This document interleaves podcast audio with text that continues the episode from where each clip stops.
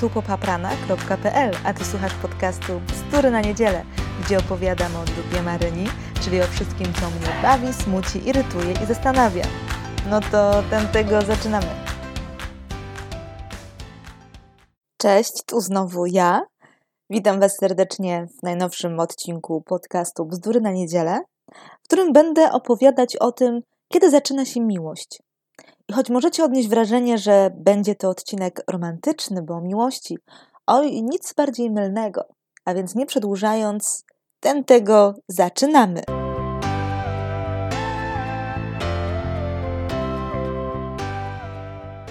Żeby w ogóle stwierdzić, kiedy zaczyna się miłość, może by trzeba było doprecyzować, czym właściwie miłość jest. I ja się nie pokuszę o tą definicję, bo ktoś by mógł mnie posądzić o to, że jestem e, psychopatką, bo tak naprawdę zdefiniować miłość i ją opisać i określić y, nie jest łatwo. Psychopaci są w tym bardziej wytrenowani, ponieważ jej nie odczuwają, musieli się nauczyć tego, y, jak ją definiować, żeby było im łatwiej dopasować się i wtopić w społeczeństwo. Więc ja mogę tylko tak łopatologicznie, tak po swojemu stwierdzić, powiedzieć, że miłość jest wtedy, kiedy jesteś sobie z kimś i w sumie bez tej osoby też dasz radę przetrwać, ale z tą osobą jest ci jakoś tak fajniej. I jeszcze raz sprowadzam na ziemię, mówię o miłości. Nie mówię o zakochaniu i zauroczeniu, czyli o tym takim stanie, kiedy jeszcze te nasze endorfiny tam, tam pracują intensywnie, dopamina i te różne nasze inne hormony szczęścia działają. I dzięki temu czujemy motyle w brzuchu i widzimy partnera przez różowe oku, okulary i myślimy sobie, że jest zajebista, się okazuje, że jest taki jak wszyscy. E, mówię o tym stanie, kiedy już wiemy, że nasz partner, partnerka są e, różni, widzimy dokładnie wszystkie wady, Widzimy i zalety, czasami wady nawet bardziej widzimy i nas denerwują, ale jesteśmy i nie przymykamy na nie oko. W zakochaniu przymykamy oko i na wszystko, na wszystkie głupoty, które partner lub partnerka robi i na wszystko, wtedy też tracimy taką jakby y, czujność naszą, ta nasza intuicja jest taka trochę y, przytłumiona. Y, w miłości, kiedy już przejdziemy ten etap, w miłości jest ciutkę lepiej, bo już nie jesteśmy tacy zamroczeni tymi narkotyzującymi nas hormonami szczęścia i widzimy trochę, trochę szerzej. Widzimy, że nasz partner ma wady, potrafimy mu je wytknąć, i to jest podstawa też miłości. Potrafimy wytknąć wady partnerowi. Dokładnie wiemy, co tutaj nie gra i co wymagałoby poprawy. I mimo tego, że my widzimy tą niedoskonałą istotę, która wymagałaby poprawy i naprawy, to yy, nie spierdalamy. Ba, nawet więcej, my nie tylko nie spierdalamy, my przy tej osobie trwamy. Choćby nas wkurwiała najbardziej na świecie, my z nią jesteśmy. Tak pomimo wszystko. Bo wkurw to jednak jest taka dosyć silna emocja i przecież nie lubimy być z kimś, kto nas denerwuje i wkurwia. I w sytuacjach towarzyskich unikamy osób, które wzbudzają w nas aż takie silne negatywne emocje. Ale w związku jest inaczej. Związek rządzi się zupełnie innymi prawami. I jeśli twój partner lub partnerka doprowadzają cię do szewskiej pasji, a ty mimo wszystko z tą osobą jesteś, no to czy to nie jest miłość? Oczywiście można z kimś być z przyzwyczajenia, dla wygody, dla dobrego seksu, z poczucia bezpieczeństwa, dla pieniędzy, ale dzisiaj optymistycznie zakładamy, że wkurw i zostanie z tą osobą pomimo tego wkurwa równa się miłość. O takie ładne równanko nam się układa. Wkurw na partnera plus bycie z tym partnerem równa się love. Takim drugim wyznacznikiem miłości jest to, że potrafimy się ze sobą nudzić. Na początku naszej znajomości zawsze coś chcemy robić, gdzieś wyjść, poczuć tą e, adrenalinę, y, chcemy rozmawiać do późnych godzin nocnych. Chcemy po prostu to coś ze sobą robić, tak? Nie chcemy się nudzić. A w miłości już przeszliśmy te wszystkie etapy. Już wiemy o tej osobie dosłownie no, no, wszystko. Już przepracowaliśmy etap, etap dzieciństwa przez dojrzewanie, początki dorosłości, wszystkie traumy, to jak traktowali nas rodzice bądź nie. Wiemy, co z czego wynika, że to zachowanie partnera wynika z tego, że w dzieciństwie coś tam, coś tam. Jesteśmy już, już jego y, psychoterapeutami. już dokładnie znamy tą ścieżkę i całą tą historię. I w sumie, no, o czym tu by gadać, nie? O czym tu by gadać? Potem dzwoni przez telefon i mówi, co tam słychać, a ty, ty, mówisz, no, no nic, no, no okej. Okay. I możesz sobie tutaj wtedy pomyśleć, że o cholera, no jest coś nie tak, chyba nasz związek się rozpada. Bardzo często tak myślą pary, które na przykład gdzieś wyjeżdżają i są na odległość, potem rozmawiają na Skype'ie, na Messengerze albo właśnie przez telefon i ta rozmowa się cholera jakoś tak nie klei, tak się kupy dupy nie trzyma i zapala się taka lampka. Chyba jest coś nie tak, może my się oddalamy od siebie, może to już nie jest to. Ale tutaj nie ma co panikować, na tym etapie to jest jak najbardziej wskazane bo to oznacza, że wchodzicie na następny poziom swojej znajomości i potraficie się ze sobą po prostu nudzić, oglądając na przykład Netflix. Jedną z takich przyziemnych oznak tego, że to jednak jest miłość, jest to, że robiąc sobie kawę, myślicie o tej drugiej osobie, że może ona też chce kawę. I to wcale nie wynika z tego, że chcecie się podlizać i że, że jakby jest wasza kolej w robieniu tej kawy. Po prostu sobie tak myślicie, mmm, a może ona też by chciała kawkę, a może ja jej też zrobię kawkę, a ja może ją zapytam albo jego, czy on może chce kawkę. Bardzo fajny sygnał, bo tutaj już nie chodzi tak o taką zwykłą wymianę dóbr, że ok, ja zrobiłam obiad, to ty teraz pozmywasz. Ja zrobiłam kawę, to ty zrobisz herbatę.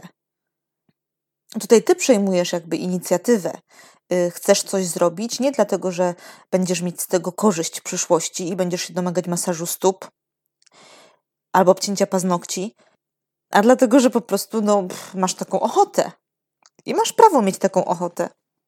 Czwartą znaką miłości jest to, że chcecie spędzać czas osobno. Tak, nikt się nie przesłyszał.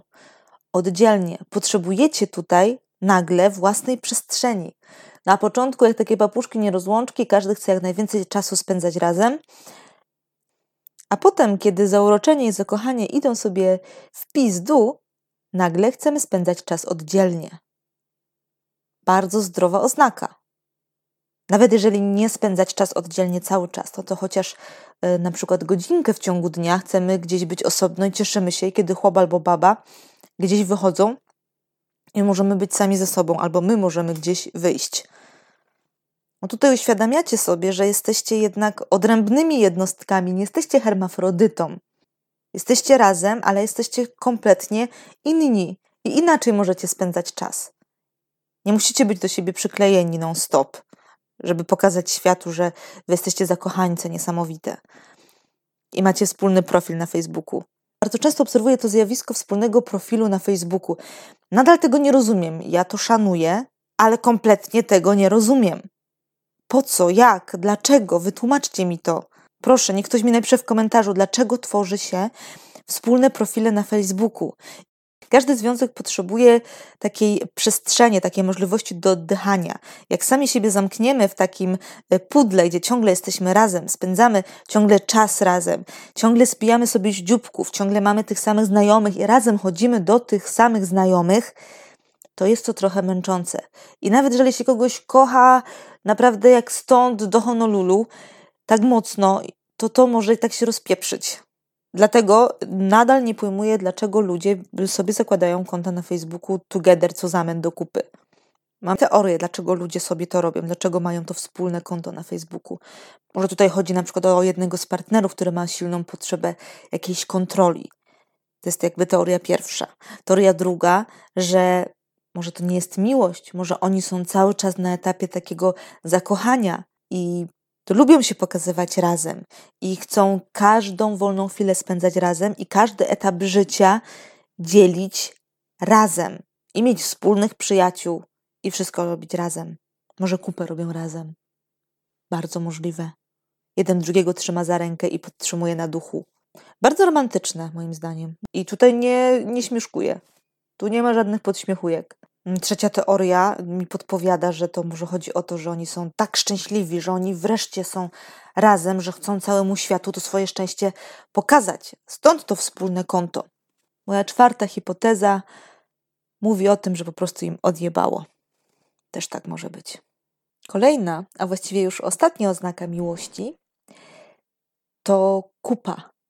a właściwie pierdzenie razem pod jedną kołdrą. Nie ma tu w tym krzty romantyzmu, ależ ile miłości, kiedy akceptujemy smrodek i pierdy drugiego partnera, albo jeszcze lepiej, kiedy nie wstydzimy się walnąć prutem przy naszym partnerze. Bo wiecie, jak to jest na początku znajomości, nie? Kobiety idą do kibelka i spuszczają wodę albo włączają muzykę, żeby nie było słychać prutów, które tam puszczają. Choć pruty to ludzka rzecz, bo czują się takie, no, no, no niekomfortowo się czują. A mężczyźni, chociaż wiedzą, że ona tam robi pruty, to udają, że jednak to nie są pruty, że nie wiem, co to jest, że jej kupa też pachnie fiołkami. Na początku jest takie, tak, takie właśnie udawanie i takie spięcie, żeby nie pierdnąć, żeby nie było jakiegoś bulgotania w brzuchu, bo człowiek czuje się wtedy niekomfortowo, żeby się coś nie wymsknęło, żeby nie było czuć smrodu z łazienki. A później, kiedy czujesz ten luz, że możesz puścić takiego solidnego pruta przy swoim facecie i, i jego to nie obejdzie, to wtedy to jest prawdziwa miłość. Jakie to jest odświeżające, relaksujące, nawet bym powiedziała.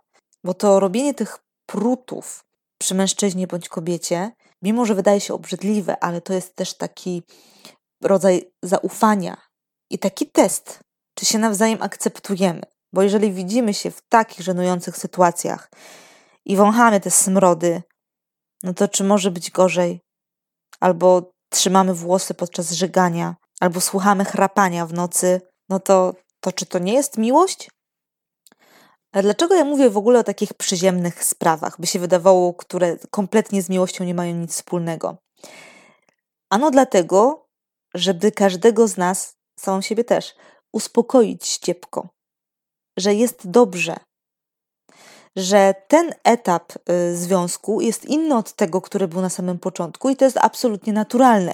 I że ten etap, który mamy teraz, czyli te pruty, ta chęć bycia gdzieś oddzielnie, myślenia o sobie, ale nie tak intensywnie jak kiedyś, tego zażenowania, że nie mamy o czym gadać, tej, tej nudy, kiedy oglądamy Netflixa. To wszystko jest nam właśnie potrzebne. I to wszystko świadczy o tym, że jest dobrze. Nie jest tak jak w filmie, bo życie to nie film, ale jest dobrze. Jeżeli jeszcze żeśmy nie spierdoliły i nie spierdolili, to znaczy, że cała relacja zmierza w dobrym kierunku. I to już koniec na dzisiaj. Bierzcie i szeszcie te bzdury dalej. I do usłyszenia za tydzień.